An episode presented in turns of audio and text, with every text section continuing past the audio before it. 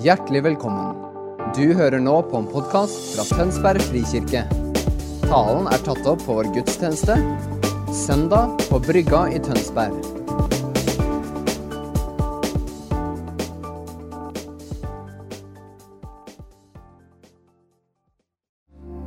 Tusen takk, Jesus, for at det er i deg vi lever og rører oss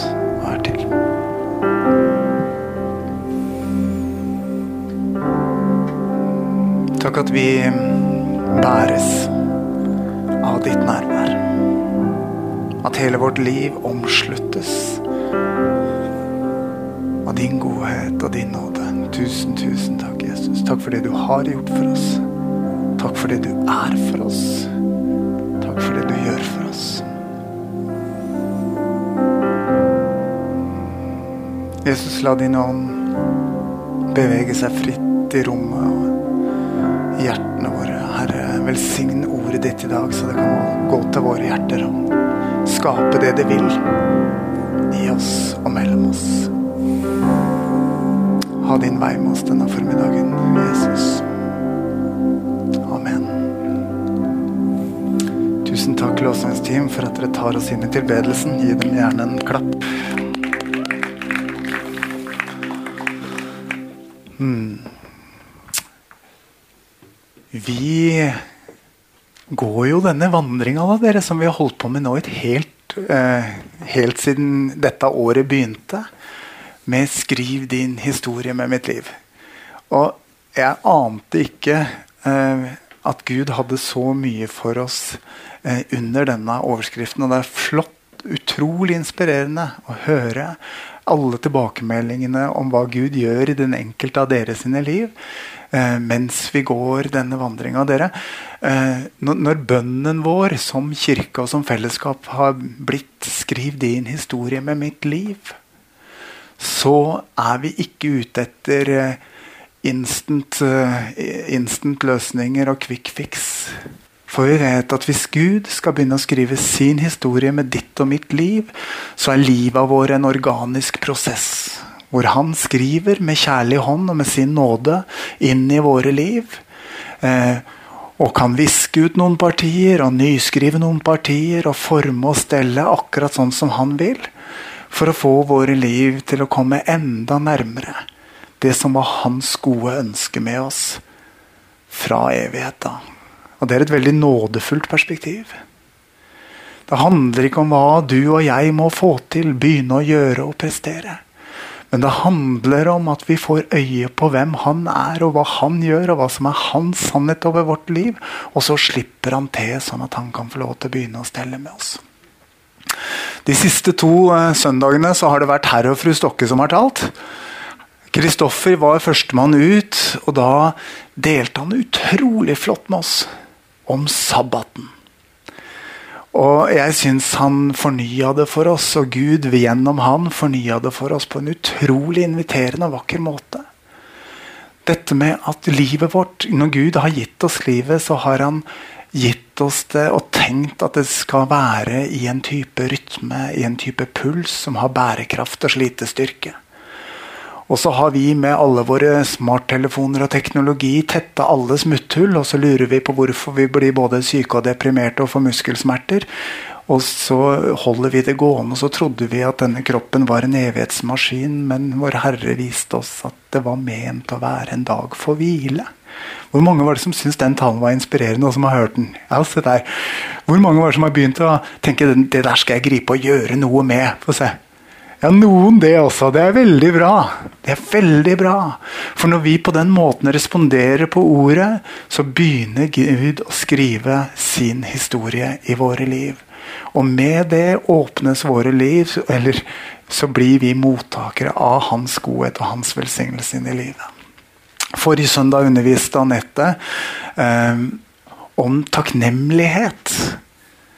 Det er utrolig lett for oss at vi hele tiden har fokuset på det vi skal utrette, det vi må oppnå, det vi har kommet til kort med, og det som enda ikke er gjort, og det som burde vært gjort, og det vi ikke har tenkt på at vi skulle ha gjort, men som vi sikkert trenger når vi tenker oss om, men ja, videre. Det var bare for å skape en følelse av slitenhet. Jeg sa det sånn. For det er slitsomt. Men hvis vi starter fra den andre plassen, i takknemlighet sier takk, gode Gud, for Og så begynner vi å ramse opp det vi har i våre liv, som vi har å være takknemlige for. Og det har vi alle sammen. Mye å være takknemlige for. Så det er akkurat som om roen og freden senker seg i oss. Og så kan Gud også på det området få lov til å vise at ja, han er i sannhet en god pappa for deg òg. Som har velsigna livet ditt med så mye godt. Og dermed settes vi også i stand til å være til velsignelse. For når vi skjønner at vi har mye å være glad for, mye å være takknemlig for, og at vi sånn sett er rike, så blir vi rause. Hvis vi tenker vi har nød og for lite, så blir vi knappe. Men kjenner vi at vi er takknemlige og at vi er rike, så blir vi rause. Og så blir våre liv et utgangspunkt for velsignelse inn i andre menneskers liv. Og da er vi kobla på Guds hjerteslag. Er dere med? I dag skal jeg også snakke om noe helt annet. Vi skal speile oss i David også i dag. Og jeg skal snakke om å skrive eller å etterlate seg en arv. Dere, når vi tok vårt første åndedrett og kom inn i denne verden, så var det ikke et blankt ark. Vi kommer inn i denne verden med en arv. Med en arv fra våre mammaer og pappaer. Med en, en, et helt sett av både verdier og holdninger og kulturer og erfaringer som ligger i generasjonene. Vi er ikke blanke ark når vi starter vårt liv. Og arv er viktig for, for Gud. Vi så det i Efeserne 1, hvor det står Må Han gi dere lys til hjertets øyne, så dere får innsikt i det håp Han har kalt dere til. Hvor rik og herlig Hans arv er for de hellige. Som kirke og som troende så starter vi ikke på scratch. Vi starter med en veldig rik arv. Troen på Jesus Kristus. At alt er gitt oss i nåde. Og at det er utgangspunktet for våre liv. Men ikke alle mennesker har fått lov til å starte med det utgangspunktet. Ikke alle er født inn i en kristen familie. Ikke alle har fått lov til å ta imot Jesus som det første. Men for hver og en som på et eller annet tidspunkt sier ja til Jesus i sitt hjerte, så er det sant at da kommer hele arven. Der og da. I et øyeblikk.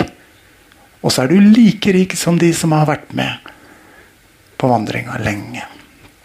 Arv er viktig. Og Gud ønsker at vi skal leve på en sånn måte at vi ikke bare går etter det vi vil oppnå, og det vi vil erfare, men at vi skal leve på en sånn måte at vi etterlater oss en arv. På, La oss se litt sammen dere på, på David. For han er et utrolig godt eksempel på akkurat det. Tenk på det. David er en mann som virkelig Gud fikk lov til å skrive sin historie med. Tenk at vi snakker om David i dag, da. 3500 år etter at han levde. Vi leser Salme 84 og blir varme om hjertet og, og, og og våte i øyenkroken fremdeles. Fordi at hans ord i tilbedelse berører hjertene våre fremdeles. Er ikke det fantastisk? Men David gjorde mye mer enn å være en tilbedelsens mann. Vi skal se litt her nå. For det første tilbedelsen som jeg nevner nå. Helt klart en rik, rik, rik arv. Som, som kirken hviler på fremdeles. Og, og, David, i måten han satte i scene hele, hele denne levittkallet, som vi har snakka litt om her, det å kalle ut Levis stamme David organiserte levittene i vakter. Det var ikke snakk om om du kjente for å lovsynge den dagen. Nei, nei, det var ditt skift. Klokka sju til klokka ti den dagen. Det var ditt skift ut. Og hver hva for noe da? Levitt i tjeneste. Stå for Herrens ansikt og lov, lovsyng og pris Hans navn, for det er Han verdt. Enten du har en dag hvor du føler for det og lengter etter det, eller ikke. Er det ikke noe litt sånn befriende med det? Det er veldig flott å være sammen med David. Å, én dag i dine tempel, gårde Gud, er bedre enn tusen dager ellers. Jeg lengter etter å tilbe deg. Elsker når jeg får være der. Men det er helt ok å være der også, som levitt. Ja, ja, Gud. Du er Gud. Og dette er mitt skift. Tusen takk, Gud, for at du er den du er. Uavhengig av min dag og mine følelser. Da blir det slitestyrke i det, dere. Husk på det, lovsangen er ikke for vår skyld, det er for hans skyld. Lovsangen er ikke for at, er ikke for at vi skal føle oss godt, men for at han skal bli æra. Og vi er skapt til å ære han. David demonstrerer dette og etterlater en arv i kirken på akkurat det punktet. Men i sitt liv så etterlater David noe mye mer enn det. Salomo, som tar over etter ham, får et kongedømme med fred på alle kanter. Hvorfor det? Fordi David var en mektig kriger som, som jobba eh, og tjente i troskap mot Herren. Og Herren ga ham favør, Herren ga ham velsignelse. Og, og når kongedømmet overlates fra David og til Salome, så står det eh, Ta neste punkt. I 2. krønike 22 at da var det fred på alle kanter. Og vi ser også at mens David førte krigene, så ble Salomo den kongen som kunne starte der David slapp. Han slepp, slapp å kjempe for at grensene skulle sikres. Så han kunne raffinere det hele. Bygge tempelet. Sette tilbedelsen i orden. Sørge for at alt var vakkert. Sånn at dronningen av Saba måtte komme og se for å skjønne at wow, alt det som jeg har hørt, er sant og mere til.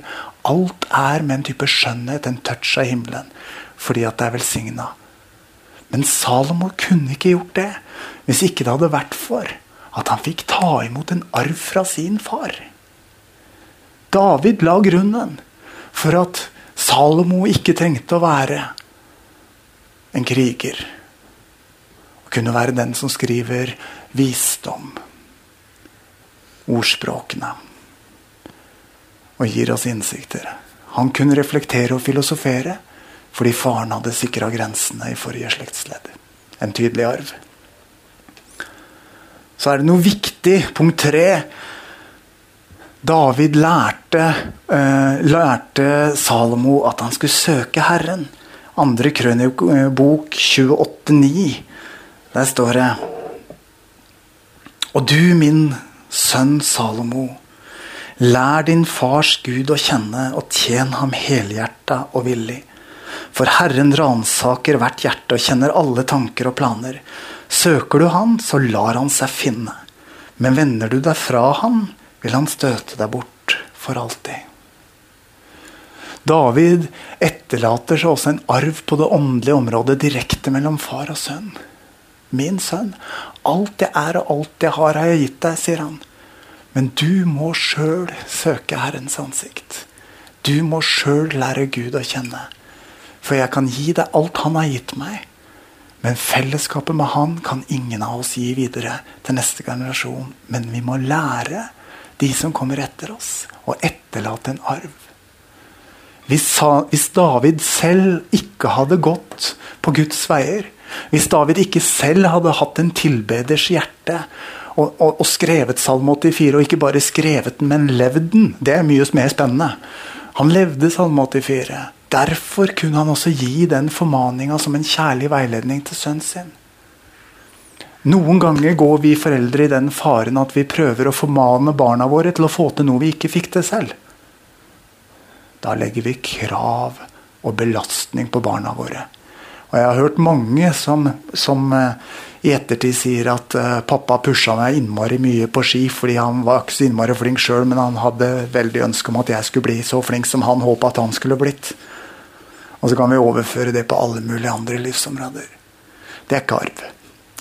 Det er, det er faktisk byrde, det. Arv er det livet jeg lever. Den erfaring jeg har. Den velsignelse som er gitt meg, gir jeg til deg, min sønn, min datter. Dette har vært mitt liv. Dette har vært veien jeg har gått. Gå på den. Lær Gud å kjenne.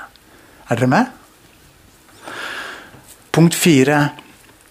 Veldig vakkert å se hvordan David er bevisst på at han gir identitet til sønnen sin. Mammaer og pappaer. Især pappaer, faktisk.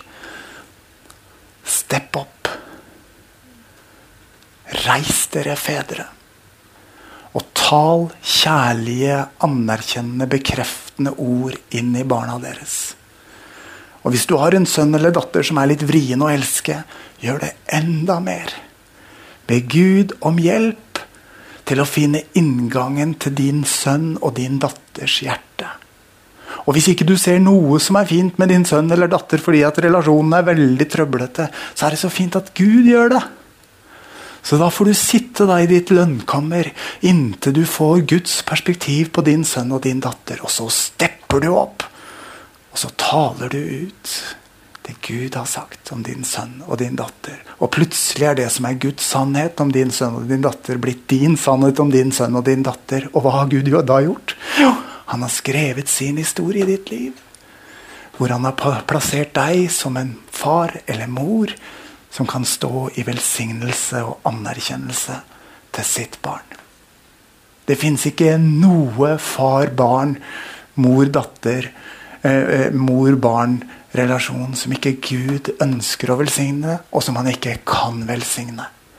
Når vi lener oss inn til Han, og for hans perspektiv Dette kunne jeg kalt hederskultur, dere, for det er akkurat det samme vi gjør som menighet. Vi lener oss inn til Guds hjerte for hverandre og ser etter det fremfor å se det vi med det naturlige blikket ser.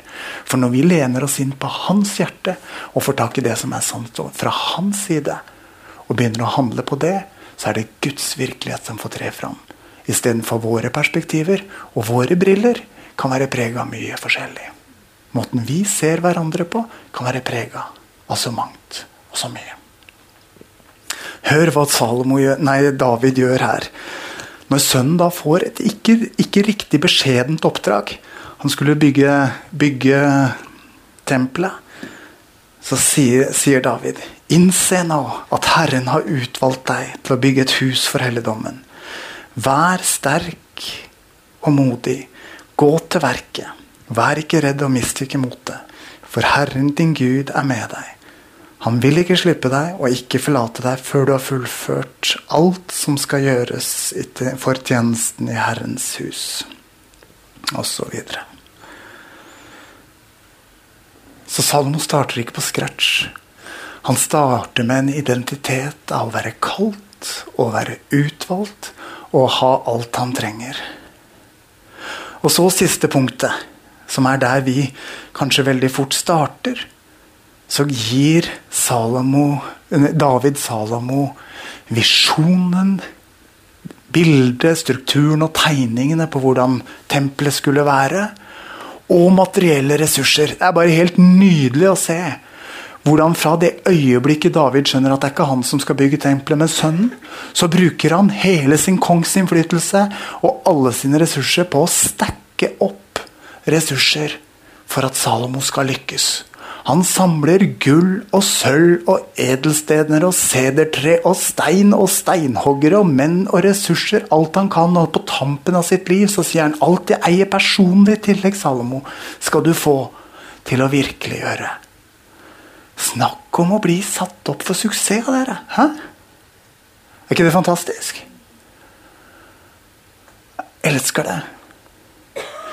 Fordi det handla ikke lenger for David i de siste åra han lever.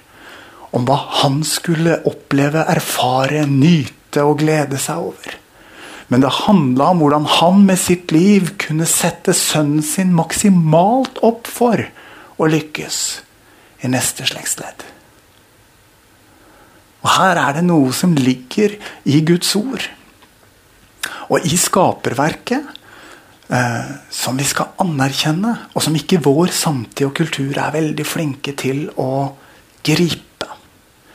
Vi kan ta neste bilde. La oss bare bare for tanken eh, Nå har jeg vært mye i David, og hele poenget med å være i David er for at vi kan speile oss i han og hans liv, og hva Gud gjorde i hans liv, sånn at det kan få kaste lys inn på våre liv. Og hvis noen av dere nå, mens jeg har snakka om hvem David var og hva han gjorde, fått, hvis dere har fått noen tanker til hvem dere er i de relasjonene dere står, så grip fatt i de. Og jobb videre med det i bønn og i refleksjon med noen av de som står dere nær. For det er sånn Guds ord virker. Vi speiler oss i de han har gått med før. Og så taler Den hellige ånd til oss og former livet vårt gjennom det. Men la meg nå bringe det inn til et veldig aktuelt perspektiv. Og Jeg diskuterte litt med, med pastoralt team om jeg skulle våge et veldig aktuelt perspektiv. Og jeg fikk go, men jeg gjør dette med varsomhet. For, for la det ikke på noen som helst måte være sånn at det jeg sier herfra som pastor, skal legges føringer enten av formaning, forpliktelse eller begrensning eller skam på dere og deres disposisjoner og deres valg. Dere er fullstendig fri til å gjøre deres valg. Men jeg har lyst allikevel til å rette fokus på et veldig aktuelt perspektiv. For nå om dagen så, kan, så lokker bankene med at det går an å låne opp på nedbetalte eiendommer, sånn at du kan bruke opp pengene dine før du dør. Sånn at du ender opp på ca. null. Sånn at alt er brukt opp når du er ferdig, og det er ikke så farlig, for da er du jo ikke her lenger. Men dere, hva er det? Det er et helt motsatt perspektiv av å etterlate seg en arv. Da er perspektivet det livet jeg lever, fra jeg blir født og til jeg dør. Og Vi ser et sørgelig eksempel på den holdningen også i Bibelen. Kong Iskia, som gjorde mye godt og var veldig til velsignelse. Og Så får han et domsord over seg, og så ber han ja, kan du i alle fall utsette det så det, er, så det blir, holder i ro og fred fram til jeg dør. Og Det sa Gud ja til, så kong Hiskia han syntes det var veldig fint. Tenk at Gud lot det være fred på mitt skift. Men sønnene gikk inn i en traurig virkelighet. Dere, Gud ønsker Han har gitt oss en åndelig arv. Og han har kalt til, til å leve i Guds familie i generasjoner. Motta arv, forvalte arv og gi videre arv. Nå har jeg muligheten til å ære familien min, og det var helt utilsikta, for denne prekenen var forberedt lenge før eh, jeg visste jeg fikk besøk av svoger og svigerinne som sitter der. Men de er bønder fra Østfold. Og det jeg har som et punkt, nemlig, det er bondens innebygde ære. Og Jan Olav og Elisabeth er fantastiske bønder, og de har nettopp gitt videre det som er deres livsverk. Og jeg skal si de har lagt mye til. Det er et gårdsbruk som ser helt annerledes ut enn det, det dere tok over. Og det ligger i bondekulturens arv. Vi tar imot noe som vi skal gi videre. De har vært veldig flinke. Nå får det være nok av ros til dere, da. Ja, ja. Men, men dette ligger innebygd i bonden. Og jeg ønsker at det skal være innebygd i oss som Guds folk. At vi tar imot dette livet. Og den åndelige arv som er gitt oss, den materielle arv som er gitt oss. Og så skal vi gi det videre. Gjerne bedre, rausere og rikere enn vi har tatt imot. For det som er sant om den åndelige arven, er at for ingenting har vi fått det. Og for ingenting skal vi gi det videre. Sannheten om Guds folk når de kom inn i det lovede landet, var at de fikk bo, bo, bo i hus de ikke selv hadde bygd. Høsta åkrer de ikke selv hadde planta. Og at trær de ikke selv hadde planta. Osv. Og, og når vi får lov til å starte med en arv, så lever vi livet vårt på basis av seire kjempa ut, som ikke vi har måttet betale for, men som våre forfedre har betalt for. Og nå er det vi som er på vakt. Nå er det vårt skift. Det er vi som har muligheten til å kjempe våre kamper. Stå i våre prosjekter. Bygge våre hus eller våre visjoner eller våre drømmer. Være tro i våre kall. Sånn at når vi nærmer oss middagshøyden i livet, så er det vår største glede å så inn i neste generasjon og sette de opp for suksess. Mer enn å tenke at vi skal liksom makse nytelsen de siste årene. Og Jeg får stadig kjeft, dere, fordi at jeg kaller meg jo selv en senior. Og, folk rundt meg sier at nei, nei, nei, nei Morten, du er ikke min 48. Men det er kanskje noe med mindset dere. For vet dere hva? Jeg har mye større glede av å sitte der og se Eivind og Camilla og Anette forkynne, enn å stå her og prate til dere sjøl. Derfor kaller jeg meg en senior. Min glede er å se neste generasjon lykkes og få lov til å være med og utruste de. For jeg lever bare denne avgrensa tida. jeg. Husk på i all vår selvopptatthet at et bibelsk perspektiv på hvem vi er, er gress. Når vinden farer forbi, er det borte av stedet den sto på, vet ikke mer av den. Så i all vår identitet og selvopptatthet og hvem er jeg og hvor skal jeg og... Nei, nei, men slapp av. På den ene siden krona med herlighet og ære og gjort lite ringere enn Gud, salme 8. Men på den andre siden like sant gress. Ok. Men hvis jeg kan få lov til å bruke mitt liv til å være ei solid lenke i kjettingen, så gir livet mitt totalt mening. Hvis livet mitt ikke ble lenka som røyk, men lenka som bar, så gir livet mitt totalt mening. Abraham han ble kalt av Gud til å sette ut på en vandring som han aldri så konsekvensene av. Men pga. han og hans lydighet så fikk andre følge etter. Og dere Min drøm og mitt håp er at vi begynner å leve livet ikke bare i et her og nå-perspektiv, men i et evighetsperspektiv. Og da skjønner vi at vi oppnår mer ved det vi gir, enn det vi får. Vi vinner mer ved det vi kan velsigne andre med, enn det vi kan bli velsigna med for vår egen del. Og Jeg hørte en forkynne, og jeg har lyst til å bare ta hans ord og gjøre det til minne. For det har blitt mitt liv. Jeg lever for å se de generasjonene som kommer etter meg, og som aldri kommer til å møte meg, bli velsigna. Fordi at jeg gjorde mine valg i lydighet mot det Gud ga meg. På mitt skift. På min vakt. I mitt liv. Som gjorde at velsignelse kunne strømme videre. Fra mitt liv. Motiveres dere av dette? Dette er veldig motkulturelt. Det er veldig lite 'what's in it for me' her. Dere, denne boka har veldig mange vakre ord til hver og en av oss. Men den har enda flere ord til oss som fellesskap. Det er også menighetsfamilie, som troens folk, denne boka snakker om. Og dere, vi kommer inn i flytsonen. Inn i den tilstanden vi er ment å fungere best i. Når vi skjønner at vårt liv ikke handler om og ikke har sin hensikt i at vi skal være og bli velsigna, men at vi skal være til velsignelse. Vi er ment til å gi videre. Evangeliet, ja men også all verdens annet. Dette ordet gjør ikke deg og meg til mottaker av Guds kjærlighet alene. Det gjør oss til mottakere, og i det øyeblikket vi har blitt mottaker, så har vi blitt sendebud med den samme kjærligheten. Er dere med? Og dette er veldig motkulturelt. Og Derfor så tror jeg kanskje at det Gud ønsker i dag, dere, er å så disse perspektivene ned i oss på en sånn måte at det begynner å spire.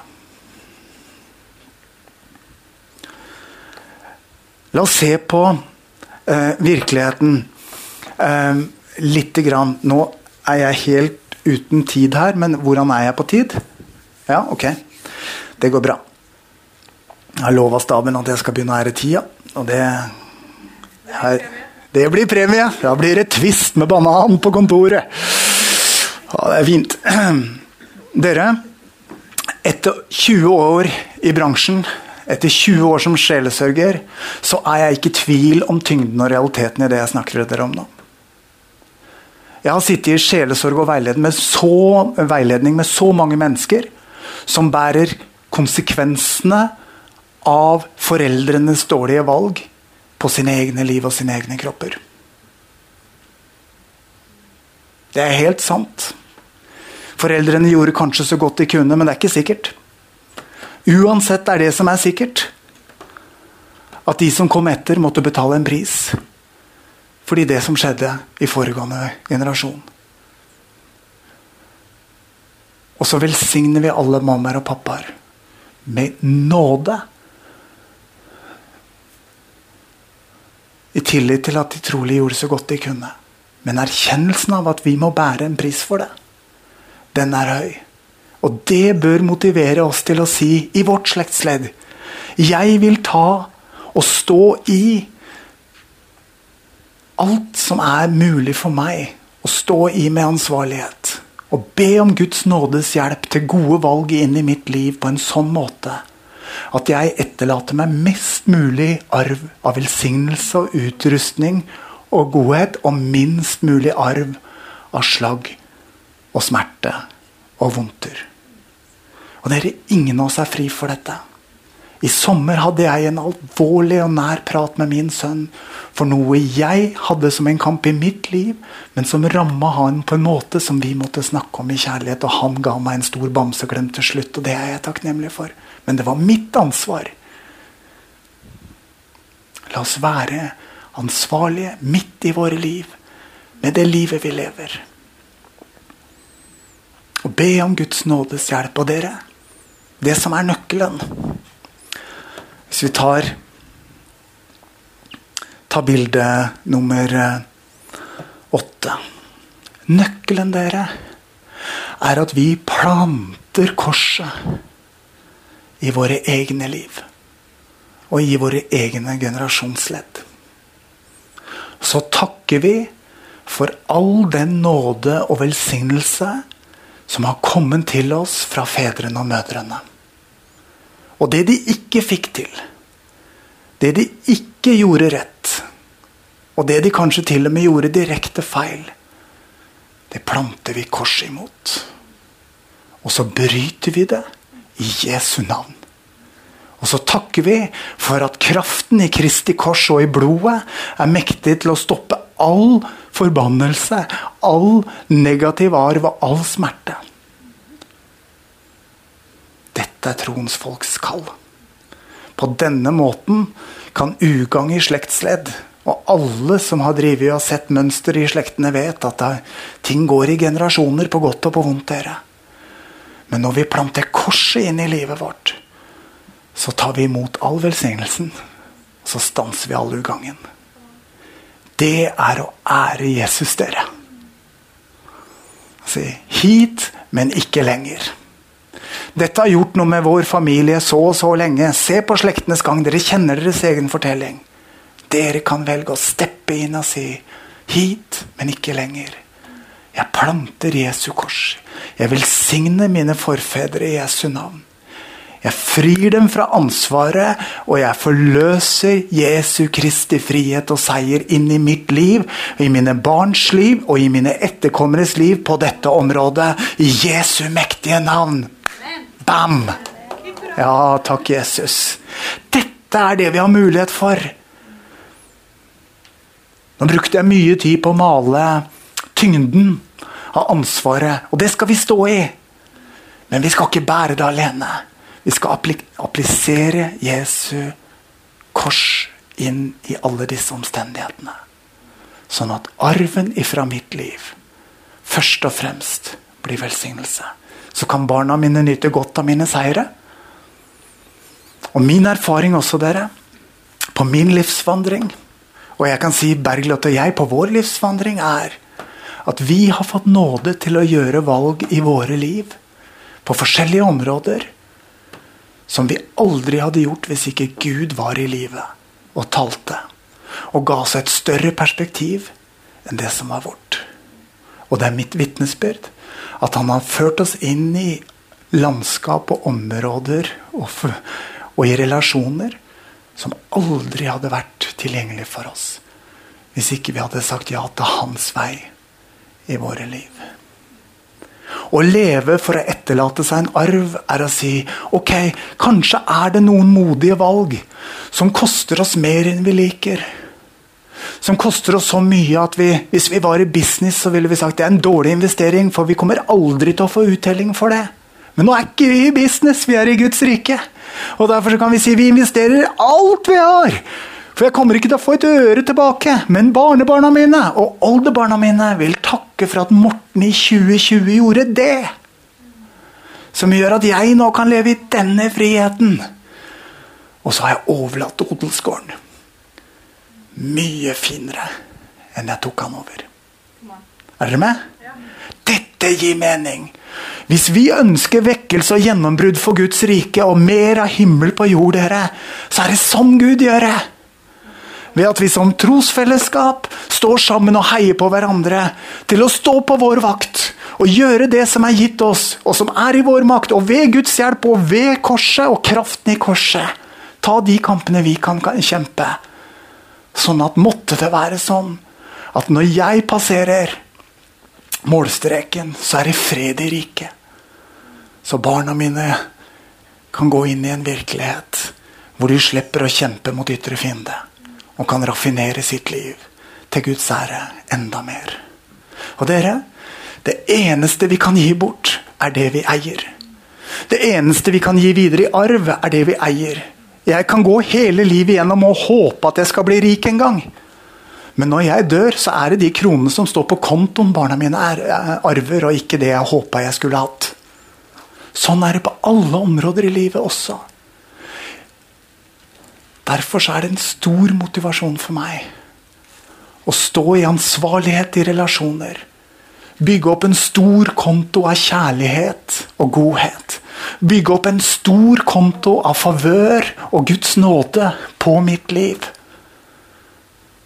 Derfor blir det superlite attraktivt å synde på nåden. For dere, nåden tar bort skylda. Men ikke konsekvensene våre gale handlinger har forvolda. Er dere med? La nåden virke det gode i oss, så arven kan bli god. La oss ikke lene oss inn på nåden så vi skal bli skyldfrie. Fordi de tingene vi gjør galt, etterlater en vond arv hver gang. Selv om nådene sletter ut skylda.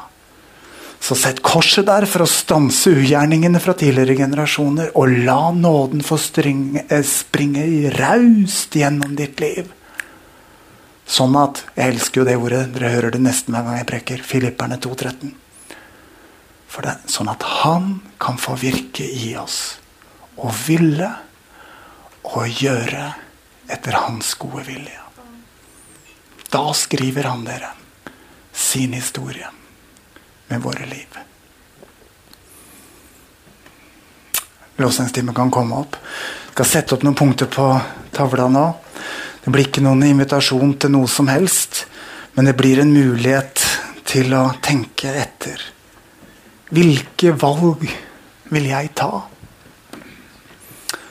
For å etterlate meg en god arv materielt, åndelig og på kultur og familiehistorie. Så husk på det, da. At den familiearven som renses i Jesu blod,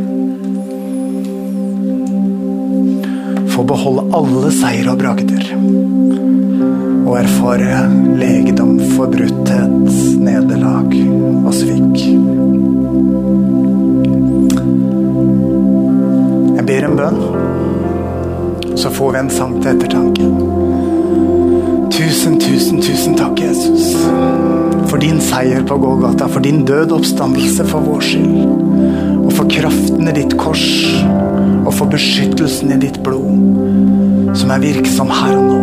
Det du gjorde, skjedde for lenge siden. Men ved din ånd appliserer du kraften i ditt kors inn i våre liv.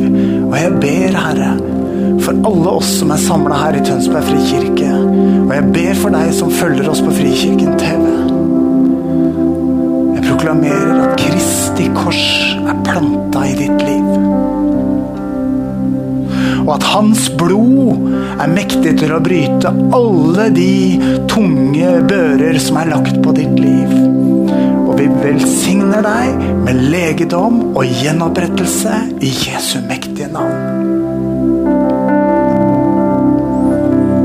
Og så ber vi Jesus. Vil du ved din ånd tale til oss? Om hva du i din gode vilje har for våre liv. For våre kamper og for våre omstendigheter. Herre, velsign oss så vi kan bli til velsignelse. Gi oss, Herre, visdom og mot og kraft til å gjøre de gode valga. De som kan ære deg. Og velsigne våre barn og våre barnebarn og generasjonene etterpå som vi aldri får møte. Men som vil være takknemlig for å få leve i noe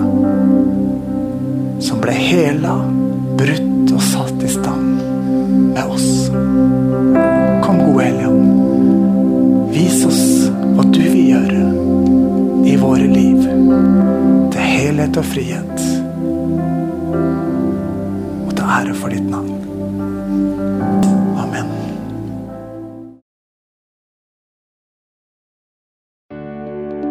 Takk for at du hørte på vår podkast. Har du spørsmål eller ønsker du å vite mer? Besøk oss på vår nettside tonsbergfrikirke.no. Du er også velkommen til kirke på Brygga i Tønsberg.